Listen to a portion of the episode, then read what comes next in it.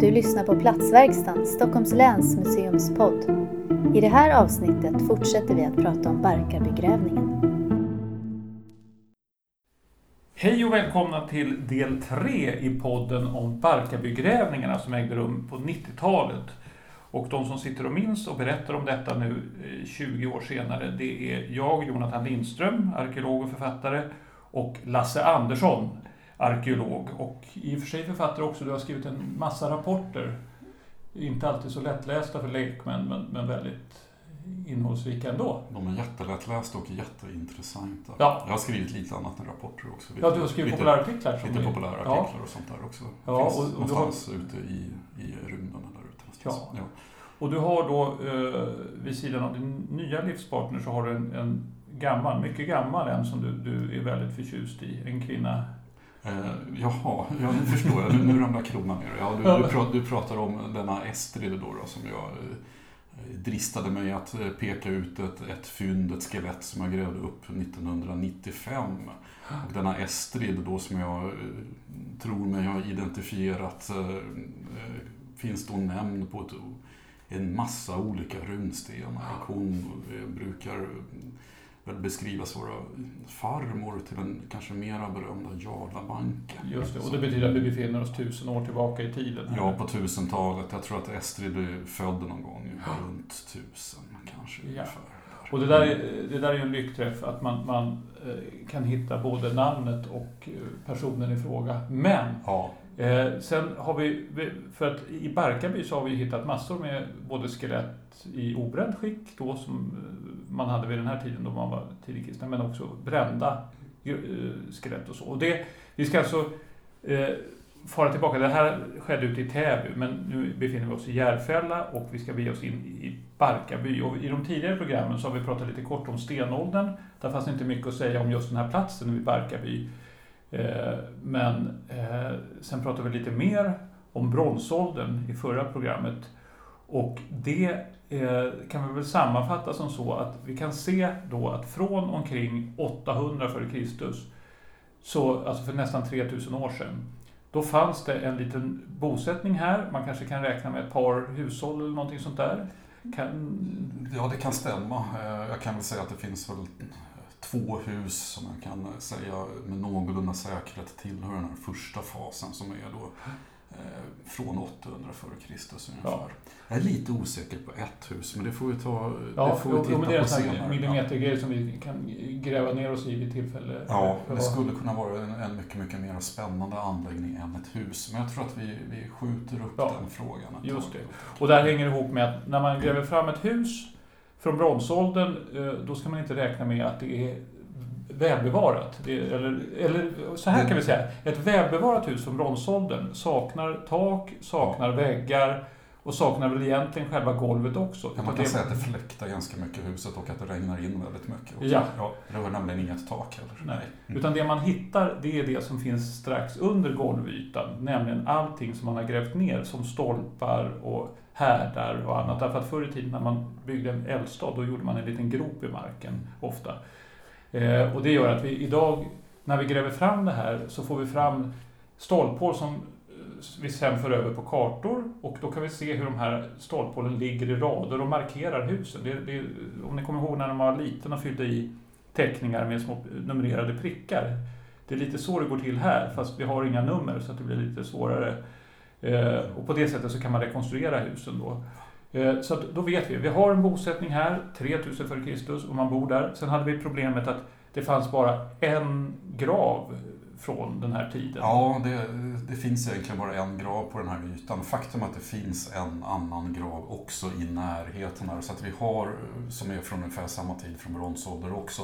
Men den, den känns lite, lite osäker i det här sammanhanget. Så att vi, vi riktar in oss på den här eh, viktigaste ska vi kalla för etableringsgraven, eller den första graven på platsen som är någon form av etablering av den här platsen. Ja, det, ja. ja därför att det, där, där finns ju en väldigt rolig grej. Att vi har en begravning och då kanske, vad, vad, tror du att man byggde över den graven, det första man gjorde där under bronsåldern? Vad fanns det för markering på platsen? På ja, någon form av överbyggnad, men det, det är jag lite osäker på ja. hur den här överbyggnaden såg ut. Lite, vi, vi, lite stenskrabb, ja, tänker oss. Precis, faktiskt. Och, och, och, då, eh, och då ska vi tänka på att den här ligger på en liten kulle intill boplatsen. Ja. Jag säga. Så att inte, inte den höga kullen, Dragonbacken, utan strax norr därom mm. så, så, så, finns det en liten kulle. Så där har den legat. Och vad är det som är så speciellt med den här graven och vad som händer sen? Jo, för att eh, på den här graven så kommer man hela tiden tillbaks i flera olika faser, flera olika omgångar och anlägger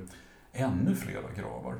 Eh, och det där håller man på med i åtminstone så att säga, fem gånger om vi säger som så. Så att den sista graven, alltså fem begravningar finns här och den sista graven som då följaktligen ligger överst, den, den är från vikingatid. Så att här har man, har man hållit på och begravt människor på exakt samma plats. Inte bara exakt samma plats, utan på exakt samma monument som man har byggt på hela tiden i jättelänge. Ja, hur lång, lång tid blir det? 1600 år ja. ungefär. Kanske ja. till och med 1700 år. Ja, väldigt länge. Och, ja. och inte nog med det. Och den används ju även under historisk tid, fast kanske inte på lika vänligt sätt. Och så, eller, inte som en helgedom då, men det kan vi ta sen. Ja, men, men, du, skjuter alltid upp den frågan. Ja, ja men mm. jag tror att vi kan komma in på det ganska snart. Därför att eh, det roliga är här att vi, vi, vad vi kan förstå då, det är lite grann om hur folk tänkte på den här tiden. Att de har alltså, från det de flyttade dit, 800 f.Kr. och framåt så har de hela tiden varit väldigt medvetna om att det här, den här platsen, just här, där har, alltså ganska länge så höll de reda på att där begravde vi liksom the founder, grundläggaren utav byn eller vem det nu kan ha varit, ja, någon tidig medlem. Ja. Känns som en så kallad grundargrav ja. här, faktiskt. Och sen bygger de på då, därför att de vet ja. att det här är lite heligt det här, så här lägger vi våra döda. Det är lite grann som vi använder kyrkogårdar sedan tusen år mm. tillbaka. Så att, att eh, men, men däremot, för en arkeolog, då måste vi vända på begreppen. Utan då gräver vi baklänges. Vi börjar med det sista och, och, och gräver oss ner. Så att när vi kom ut där eh, på 90-talet och började gräva, då såg vi att det fanns en stor hög, helt enkelt, gräsbevuxen hög. Och diametern på den var väl rätt rejäl. Ja, det var en stor hög. Nu, nu kommer inte jag ihåg exakt hur, hur stor den var, men den, den eh, var minst 25 meter. Ja, men det är stort ja, alltså. Ja, det är en riktigt stor hög då. Ja. Så att den där var väldigt spännande. Mm. Och det man kunde se, det som fanns närmast eh, den moderna vägen då, eh, Enköpingsvägen där, Eh, det var också en jordkällare som man kan tänka sig var från 1800-talet. Vilket inte är helt ovanligt, alltså att du anlägger sena jordkällare just i de här gravhögarna. Det är faktiskt ett väldigt, väldigt eh, vanligt sätt som bönderna håller på med. För det här är ju alldeles utmärkt. Det är någon som redan har så att säga, slängt upp en massa jord och sten och sånt där. Och då är det en alldeles perfekt plats att anlägga en jordkällare. Ja, ja. och den här, den här lite icke-sentimentala inställningen den kommer igen också i hur bönder förr i tiden hanterade runstenar också. De kunde man ju slå sönder och så vidare. Ja, det här är väl främst någonting som egentligen, enligt min mening, det här icke-sentimentala förhållandet till, till gravarna, det är väl egentligen någonting som kom på 1800-talet. Innan dess är man kanske, har en liten annan attityd, att man kanske mera är känner en viss rädsla för gravarna eller att man, man har en, en, ett annat förhållningssätt. Men på 1800-talet tror jag att det handlar om att, eh, så att säga, ideologin svänger om till, till att det här blir fornlämningar helt enkelt. Att det här, man får ett mer naturvetenskapligt synsätt på sin verklighet och att man lämnar den här lilla, lite metafysiska inställningen till, till de här gravarna helt enkelt. Det, det är min tro på det här. Ja, vad jag försöker säga är att man, ja. man, man helt enkelt skiter i det gamla uh, heliga religiösa. Precis. Ja. ja. ja. Eller struntar i det, det kanske ja. låter bättre. Ja. Eh, och då kan vi säga så här att, att, när utgrävningarna börjar, då, då vet jag att eh, den här jordkällaren då som syntes, den eh, alltså syntes så snart vi kom ut. Den grävdes ut då med grävskopa för det fanns fyllnadsmassor i den från vägbygget som hade skett ännu senare då på 1900-talet. Då. Och då vet jag att det var en arkeolog, Anders Eriksson, som gjorde ett, ett rätt spännande fynd som för oss framåt i tiden till, till eh, sent 1900-tal. Därför att han Eh, jag var själv inte med, men jag har fått det återberättat väldigt tydligt just den dagen då. Hur han står och plötsligt, så, när han står och schaktar med maskinen, han har en grävmaskinist vid sin sida som skopar ur och så står han och bevakar. Och så går han och avbryter grävningen och så går han fram och rotar lite, hittar kanske några intressanta stenar, tittar på dem, slänger undan dem för det är ingenting och så låter han grävskopan fortsätta. Och så där håller han på och jobbar. Och sen så berättade en kollega hur plötsligt så står han och skriker där uppe och viftar på armarna och nere vid, vid eh, personalbodarna så rusar alla ut och för att jag, eventuellt var de redan nere på fika där. Och han skriker ett fantastiskt fynd och så rusar de upp och vad han har hittat är ett par polaroidbilder. Så det var inte så gammalt och de är belånade redan men de måste ha legat där alltså i, i flera år och de måste ha hamnat där strax innan den här eh, källaren fylldes igen med väg, schaktmassor. Då. Och det visar sig vara ganska intima bilder. Det är någon som har fotograferat sig själv i upphetsat tillstånd, en man i alla fall. Och eh, det här är, eh, jag ska inte gå in i mer detalj på det, men det här är, är rätt typiskt att när vi är ute på utgrävningar så hittar vi också väldigt, väldigt recenta fynd. Ja, och jag har varit väldigt, väldigt spänd på hur du ska kunna berätta den här historien på ett väldigt, väldigt bra sätt. Och nu får jag veta det. det ja, ja, lite städat då helt enkelt. Ja. Att, eh, sånt där stöter man på. Man kan också stöta på ölburkar, kapsyler. Eh, ja, jag kan ju berätta om ett fynd som jag stötte på. Det var också i Täby. De forskningsundersökningarna som jag har bedrivit mellan 2007 och 2016. Mm. För det här är en stensättning från romersk järnålder, alltså från tiden från 0 till 400 efter Kristus. Så hittade vi också en liten, en liten deposition, en liten gömma. Mm. Och det var nämligen en gömma utav massa kondomer. Jaha. Och vi fortfarande funderar på hur vad, vad finns Varför? det för historia bakom ja. det här? Vissa var öppnade, ja. vissa var inte öppnade. Ja, jag känner att jag vill inte fördjupa mig i detta. Vi lämnar det som ett mysterium till lyssnarna att, okay. att grunna över. ja, och det, det, det finns ja, små trasiga porrtidningar och sånt där under buskar och grejer. Ja, jag har hittat knark också. Amfetamin har också hittat Va? på en, en, en grävning i, i samband med Norrortsleden. Då har vi hittat en en, en liten gömma också med, full med, med knark. Med. Jaha. Så, ja, så är det. Så, okay. är det. så är det att vara arkeolog. Ja, okay. det, det, ja. det, finns sannolikt en historia bakom det fyndet också. Ja. Och nu är det så här att precis som Indiana Jones så har vi valspråket det här föremålet hör hemma på ett museum. Men det har hänt att de här föremålen försvinner. Eh, nu vet jag ingenting om amfetaminet här, men, men, men eh, i övrigt så brukar sådana där hamna i, i, i sopkorgen väldigt snabbt. Ja, amfetaminet lämnades faktiskt till polisen, eh, måste jag säga. Men innan du lämnade till polisen så behandlade vi det helt och hållet som ett som ett arkeologiskt fynd med mätte in och så vidare. Se där. Vi, vi har, ja, det är väl en typisk arkeologhumor ja, kanske. Ja, just det, knarkarkeologin ja. firar triumfer. Jo, men tillbaka till Barkarby, eller Barkarby. Knarkarby. Ja. Eh, då, då var det som så att den här graven då, som innehåller den här första graven från bronsåldern i botten mm. och sen byggs på. Vi ska tänka oss att den ligger där på den där lilla höjden genom århundradena och till och med i årtusendena så, så ligger den där och finns med hela tiden. Och blir större och större faktiskt för varje begravning som sker, för du bygger ju på den hela ja. tiden också. Därför att, och det var det som visade att, att, när man sen gräver sig ner i den, det blir ungefär som att ge sig på en prinsesstårta. Att man, man, man liksom skrapar av marsipanen och så hittar man ett gräddlager och sen hittar man sockerkaka och så hittar man vaniljkräm. Ja och så vidare och kommer längre och längre. Men, men... I, I förra avsnittet så var vi lite grann inne på arkeologisk metod, hur man gör undersökningar. Vi pratade om att man kunde lägga snitt genom, grav, eller genom anläggningarna. Eh, vilket man eh, kanske mera sällan gör idag. Utan idag är det precis som du säger.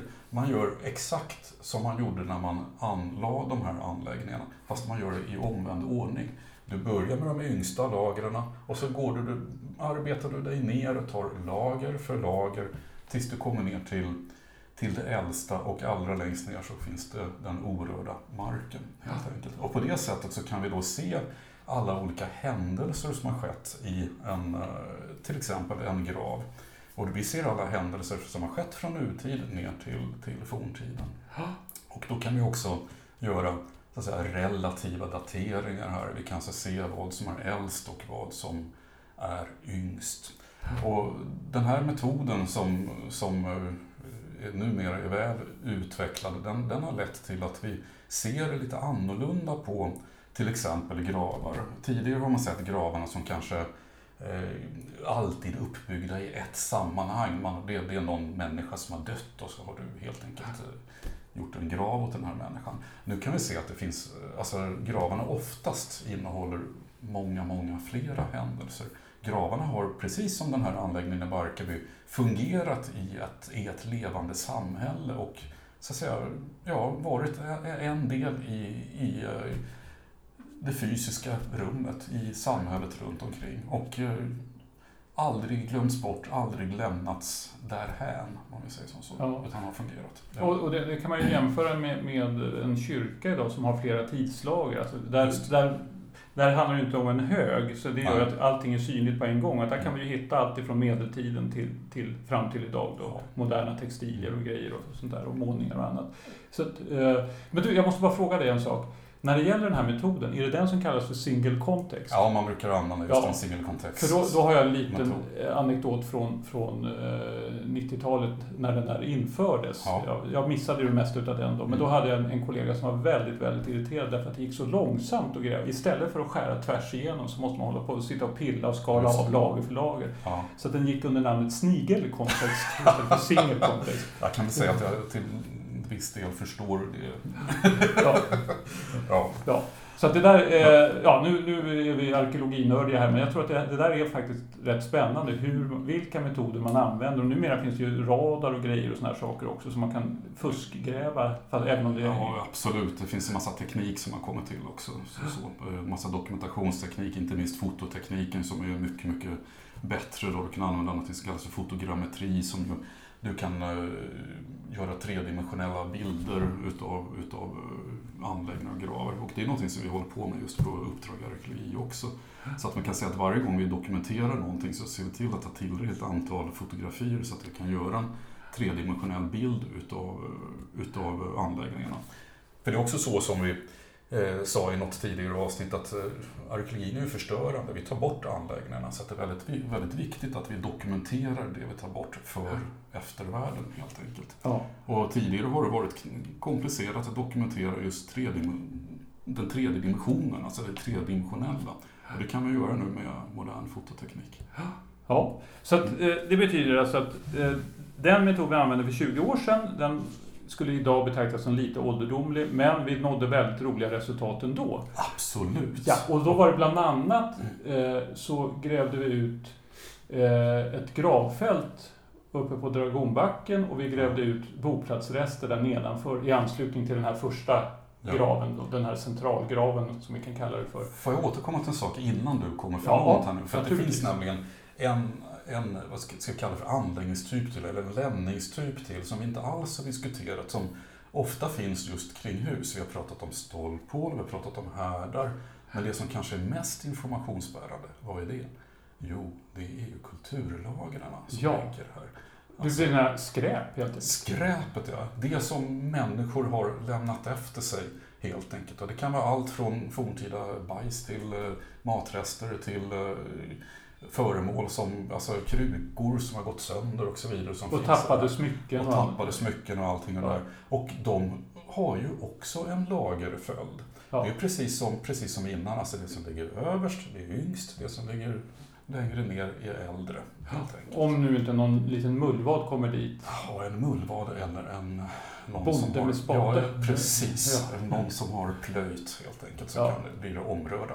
Och de här kulturlagren, det vanliga är ju eh, när man är ute och gräver ute på landsbygden, som vi kan räkna Barkarby som i det här fallet. Då brukar inte de alltid vara så tjocka därför att folk har haft stora ytor att skräpa ner på. Just. Men eh, jag vet, jag har kompisar som har grävt i Gamla stan inne i Stockholm. Ja. Och när de grävde sig ner i Västerlånggatan en gång, då var det stegar och eh, annat åtta meter ner under markytan innan man kom ner till orörd mark. Och då hittade de någon vikingatida pärla längst ner där då. Och sen så låg det då lager på lager på lager hela vägen fram till, till vår tid. Då. Mm. Så att, att eh, om man bara ser till att ha tillräckligt trångt med utrymme så kan man få till extremt tjocka kulturlager. Men det roliga med Barkarby då, det var att ska man betrakta dem som lite lata eller de, de lyckas ändå få till rätt tjocka kulturlager där också. Inte jämfört med Gamla stan men, men Ja, man, man, har ju då hållit till på exakt samma plats ganska länge under Barkarby och det är ändå en relativt begränsad plats. Låt säga att man har hållit till där från ungefär 1000 f.Kr. fram till, till nutid och då har man ju haft möjlighet att, så att säga, skräpa ner ganska mycket. Så att relativt tjocka, men ja, inte så jätte, det är ju inte åtta meter. Nej, vad, vad, vad minns du som... Ja, var det en halv meter kanske? Ja, jo, men det är rätt rejält ändå. Ja, det är rätt rejält ändå. Ja. Och det, det, det varierade lite grann över ytorna också. Och sådana analyser över hur tjocka kulturlagren har varit, det, det, det, har vi gjort också. Det gör, har vi gjort genom att man helt enkelt har grävt så att säga, stickprovsrutor över hela ytan och, och se då hur, hur tjocka kulturlagren är över hela ytan. För det, som, det, här, det här är en yta som ändå är över 10 000 kvadratmeter och då, då går det inte att uh, gräva Allting. varenda kvadratmeter för då hade jag fortfarande varit kvar där. Och det ska vi säga, det här med att gräva, det, det, det är alltså ett speciellt sätt som man gräver. Man, tar, man måttar upp i marken en kvadratmeter stor yta och då kan man sätta små fyndpinnar i, i de fyra hörnen. Eh, och sen så använder man tumstockar också för att få till storleken ordentligt. Och sen eh, är det redan avtorvat. Grävmaskinen har varit där och skrapat av grästorven så det brukar man slippa göra. Men sen handlar det om att gräva sig ner Eh, och då brukar man väl gräva 5 eller 10 centimeter åt gången. Ja, om man inte väljer, metod, väljer en metod där du faktiskt gräver efter de synliga lagren. Det vill säga single context ja, eller snigel context-metoden. Ja, ja. Så då, då, då, följer man det, men då, då, gräver man sig ner där i alla fall. Och det där vet jag är någonting som är väldigt ansträngande för höger handled, om man är högerhänt. Mm. Säga. Därför att man håller i en skärslev, alltså en form av tårtspade.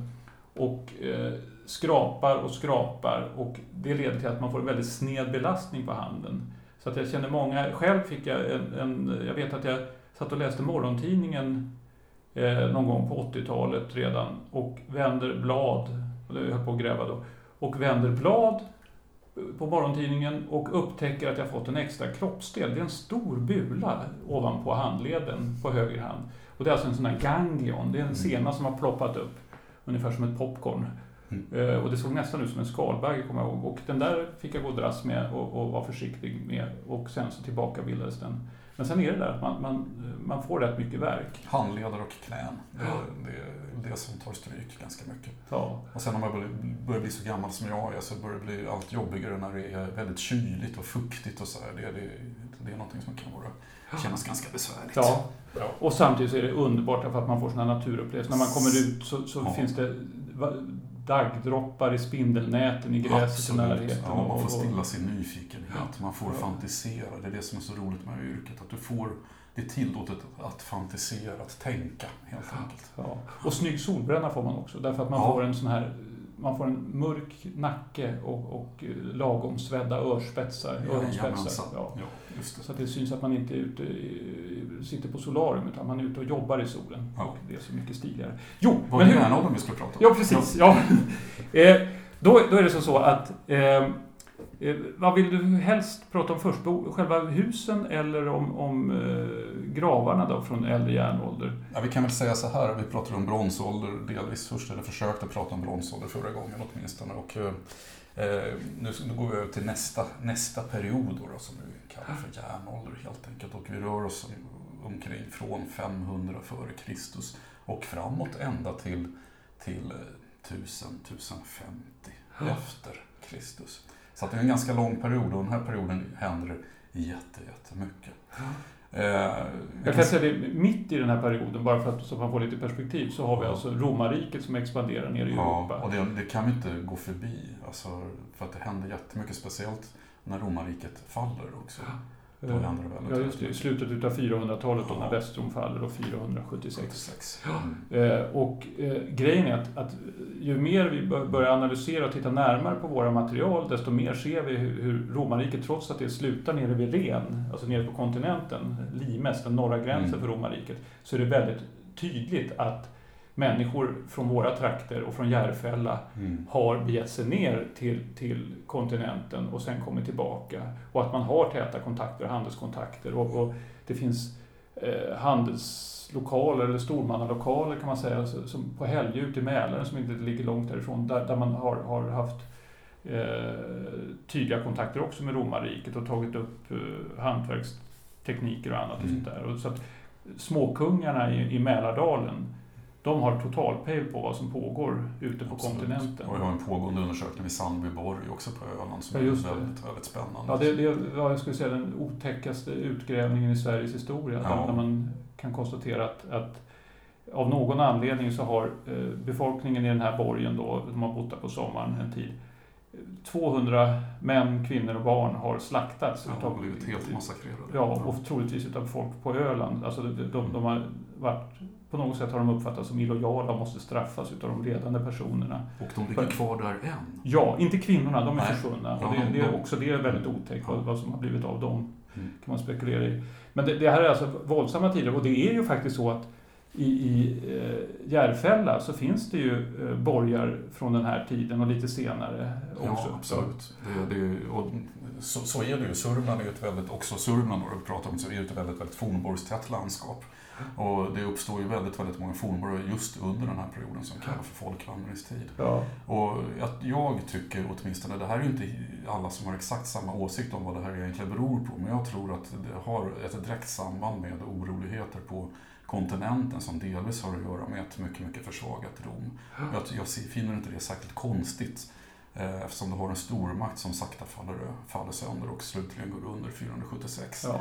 Ta, Och, ta, ju- ta sig över då utav ett gotiskt rike förvisso, men Ja. eh, det, och nu nämner du Sörmland, men det finns alltså fornborgar också i Uppland och Ja. i Järfälla. Så, så Ja, det, absolut. Mm. Och, då, och då kopplingen där, det är väl att eh, de ledande personerna i, eh, i, eh, i Sverige vid den här tiden då, Mm. även om Sverige inte fanns riktigt Nej. på det sättet. Men de har ju byggt sin makt på att de har allianser och kontakter söderut. Just. Så när det här brakar ihop, då får det svallvågor som går upp till Norden också, så att det blir en social oro, att folk vill klättra och ska skaffa sig nya maktpositioner och sånt där. Och då, då finns ju då Gåseborg. Gåseborg är en fantastisk plats. Ja, berätta. Nej, Gåseborg är i mitt tycke en av eh, de mest spännande fornlämningarna från den här perioden. För det är ju en fornborg som, som brukar beskrivas som en så kallad farledsborg, för den ligger precis intill, intill vattnet. Man har- Jurven. Ja, ja, just det. Nej, ja, just det. Precis, Jurven är det. Ja, Ja. precis. Eh, och man har gjort undersökningar där man bland annat har hittat eh, degelfragment så eh, med, med små, små, ska jag kalla det för guldflisor eh, i de här. Så att man har tillverkat rika föremål helt enkelt. Och det här är ju en plats som, som eh, är outstanding helt enkelt. Eh, Och det, den är definitivt, nu kallar vi det för fortifikatorisk, den är definitivt alltså, eh, Byggd för att försvaras. Byggd för att försvaras, eller kanske till och med för att vara, inte bara försvaras utan kanske till och med vara så att säga, aktivt aggressiv utåt. Eller Bevaka ett farleden och tvinga Bevaka folk far- att betala tull och sådana där saker. Kanske det, ja precis. Men Ja. där, där har du uppenbarligen bott någon höjdare. Medan i, i Järfälla, där är väl snäppet under. Det, det finns ju ändå, om vi, om vi går till gravarna, därför att man har ju då Mm. typiska brandgravar från den här tiden. Eh, med, med, när man bränner en döde och eh, sen lägger lite sten över och så är det små stensättningar. I och den här tiden så är ju brandgravskicket är ju dominerande Ja. under den här tiden. Eh, Men nu är det faktiskt så att, eh, nu går vi tillbaka till den här stora anläggningen som jag pratat om som Ja. finns på. Eh, nummer två, alltså den andra begravda individen som är daterad till det som kallas förromersk järnålder. Är faktiskt en skelettgrav. Jaha, Ja, men då befinner vi oss under förromerska. ja det, och förromersk järnålder, alltså tiden före Kristi födelse, helt enkelt århundraden. Ja, men där ser vi att de kan Ja. inte hålla sig till ordningen där. Nej, och det är ju det som är hela tiden komplicerat för oss arkeologer. För att vi vi by- bygger upp vissa så att säga, modeller hur saker och ting ska vara. Men människan hela tiden envisas med att ibland bryta mot de här modellerna. Eh, Om vi går tillbaka till Barkarby. Där har vi ju då de här, förutom den här förromerska skelettgraven så har vi också ehm, alla de här brandgravarna. Och om vi då tänker oss in i vad, vad säger de här gravarna, vad föremålen som finns där, vad hade man för typ av kontakter eh, under romersk järnålder och folkvärldens tid, alltså från Kristi födelse och fram till 500-talet Ja, till exempel kan vi ta upp kontakterna med, med ett stort centrum som finns under den här tiden och det är ju Helgö. Där vi har föremål som sannolikt är tillverkade på Helgö som, som vi hittar ja, då i... En, en liten ö ute i Mälaren, några kilometer söderut. Där. Mälaren, ja, ja. Precis. Som vi då också hittar i Barkarby. Och nu, nu, när vi går in på romerska järnåldern så ska vi då också säga att de, den egentliga starten för begravningen, den stora starten för de stora begravningarna i Barkarby, det börjar ungefär på 300-talet. Så att det är då vi kan säga att det, det är ett, eh, en start på, på själva det stora gravfältet. Och det här gör ju att det finns ett mysterium, för att tiden före 300-talet, då vet vi att man har bott eh, bott på platsen men vi vet inte riktigt var man har begravt sina, alltså huvuddelen av befolkningen. Nej, men det där klassiska, att vi hittar, vi hittar fragment helt enkelt. Det, precis. Det, ja. Men då, att man har haft kontakt med, med de stora centren, alltså lokala centren som i sin tur har haft kontakt mycket internationella kontakter, det är helt uppenbart. Ja, så att vi har, vi har tydliga indirekta bevis på att ja. man ingår i samhällssystemet och att man har kontakt. Och på Helgö, där tillverkar man ju bland annat, du har slagit upp här i en av rapporterna, eh, du ser att det, är folkvärnestida eh, dräktnålar, just det, som kvinnorna hade. De kunde ja. ha ett par stycken som höll upp klänningen uppe mm. vid, vid axlarna. Eh, små, man får tänka sig brons eh, brons då och nu när vi arkeologer hittar dem där då är de alltid ärggröna, en matt fin färg. Ja. Lite, lite grå, grön färg. Men de har alltså varit guldglänsande i princip då när de är ja. nytillverkade. Och så har de en liten ring upp till och så kan de ha någon, någon liten, i det här fallet har du ett par spiraler eller en liten knopp och lite sådana saker. Och det här är gravföremål. Det här är inte föremål som vi så att säga, vanligtvis hittar på boplatser utan det här är alltså föremål som har följt med den döde i, ja. i graven helt enkelt. Och det visar att de är inte så eh, billiga, man ska säga, så att man slarvar bort dem på boplatsen och slänger dem hur som helst. Nej, eh, samtidigt är de inte så extremt dyrbara så att man, man lägger ner dem i graven utan att fälla en tår. Utan de är, de är lite mittemellan. De är tillräckligt fina för att fungera som en fin gravgåva helt enkelt. Då. Men det är de, de där dräktnålarna har kvinnorna haft då, åtminstone i högtidsdräkten kan man tänka sig, till, till, till vardags. Ja. Eller ja, högtider till vardags, men ja, i livet. Eh, så där, där, och, och de där kan mycket väl vara tillverkade på Helgö, för där hade alltså kungen och hans släkt ordnat med verkstäder och annat. Ja. Och det var därifrån Helgö också som expeditioner gick ut söderut. Dels de som sökte sig ner till Rom för att ta tjänst i romerska armén som legoknektar och komma hem med guld. Eller, eh, nu var det här lite sent då eftersom romarriket gick under vid den här tiden då, men, men eh, sen var det också så att de ordnade expeditioner från Mälardalen. Och det är säkert så att folk från Järfälla har deltagit i detta också. Det kan man rent statistiskt tänka sig. Sannolikt. Ja, stora flottor som samlades vid Helgö, som fungerade som en sorts ledungshamn på den här tiden, och som gav sig ner till Danmark och där turligen nog åkte på storstryk, vilket innebar att deras skepp och alla deras föremål och sånt offrades i danska mossar eller danska sjöar. Och det gör att de finns bevarade till idag och då kan vi se då utifrån föremål att de här måste ha kommit från trakten av Mälardalen bland annat. Då. Ja. Bland annat på 300-talet. Då. Så att, att äh, återigen, det som vi konstaterar för bronsåldern, att man har haft kontakter åt olika håll och kanter. Man har ingått i ett väldigt stort samhällssystem. Ett stort kontaktnät som, som delvis kanske också kan ha så att säga, varit beroende av det romerska riket som sen faller och eh, då sannolikt också så bryts många av de här det här nätet, den här kontaktnäten och det sker en förändring i samhället. Ja. Och, och där kom vi in i en, i en liten krissituation det, det kunde vara en fin avslutning här. Flera kriser på den här tiden också, för det är någon händelse som är mycket diskuterad som jag tror också har betydelse som förvärrar hela situationen. Det är det som händer år 536. Ja, nämligen den stora katastrofen. Ja. Klimatkatastrofen kan vi säga. Stora vulkanutbrottet som har skett någonstans på jorden. Och som leder till att, att himlen förmörkas och att det blir vidriga somrar. Det blir här riktiga svenska somrar fast i kubik. Med, Under med, minst tre års tid. Ja, Så, så, fryser skördar och annat bort och boskapen dör. Och, och det här är då delvis kanske något omdiskuterat för alla tror inte på det. Nej. Jag hörde en förklaring här om veckan som är, eh, ganska rolig också eftersom du hade en ekonomi som sannolikt var eh, mest eh, så att säga, byggd på boskap och boskapsskötsel och köttproduktion helt enkelt. Mm. Så kan man säga så här att ja, gräs det växer vid 6 grader. Okej. Okay. Men, men lite jobbigt blev det i alla fall. Det måste ha varit Ja, jobbigt ändå. Jag, jag, till, ja. jag tillhör en av de som Ja. tror att det här kan inte ha gått samhället förbi, utan jag tror att det här hade både direkta och mycket indirekta Ja, effekter. Och du har, du har ju också, vi vet inte i vilken omfattning som justinianska pesten letade sig upp hit också. Så Nej. det kan ha varit sjukdomsepidemier.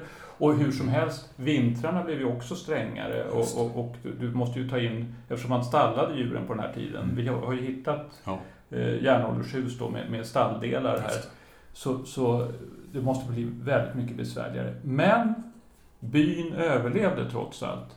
Och då befinner vi oss alltså i slutet av 500-talet Ja. och den perioden, det som händer sen och ända fram till idag, det kommer vi in på i nästa program. Den så kallade yngre järnåldern. Ja, Ja. och sen finns det då den historiska perioden också. Den historiska tiden Ja, också. just det. Ja. Ja. Och sen något som kallas för nutiden, men det ska jag förklara sen när vi har stängt av. Okej. Hej hej! Hej hej. Du har lyssnat på Platsverkstan, en podd producerad av Stockholms läns museum. Vill du veta mer om oss och hitta fler avsnitt? Gå in på stockholmslansmuseum.se.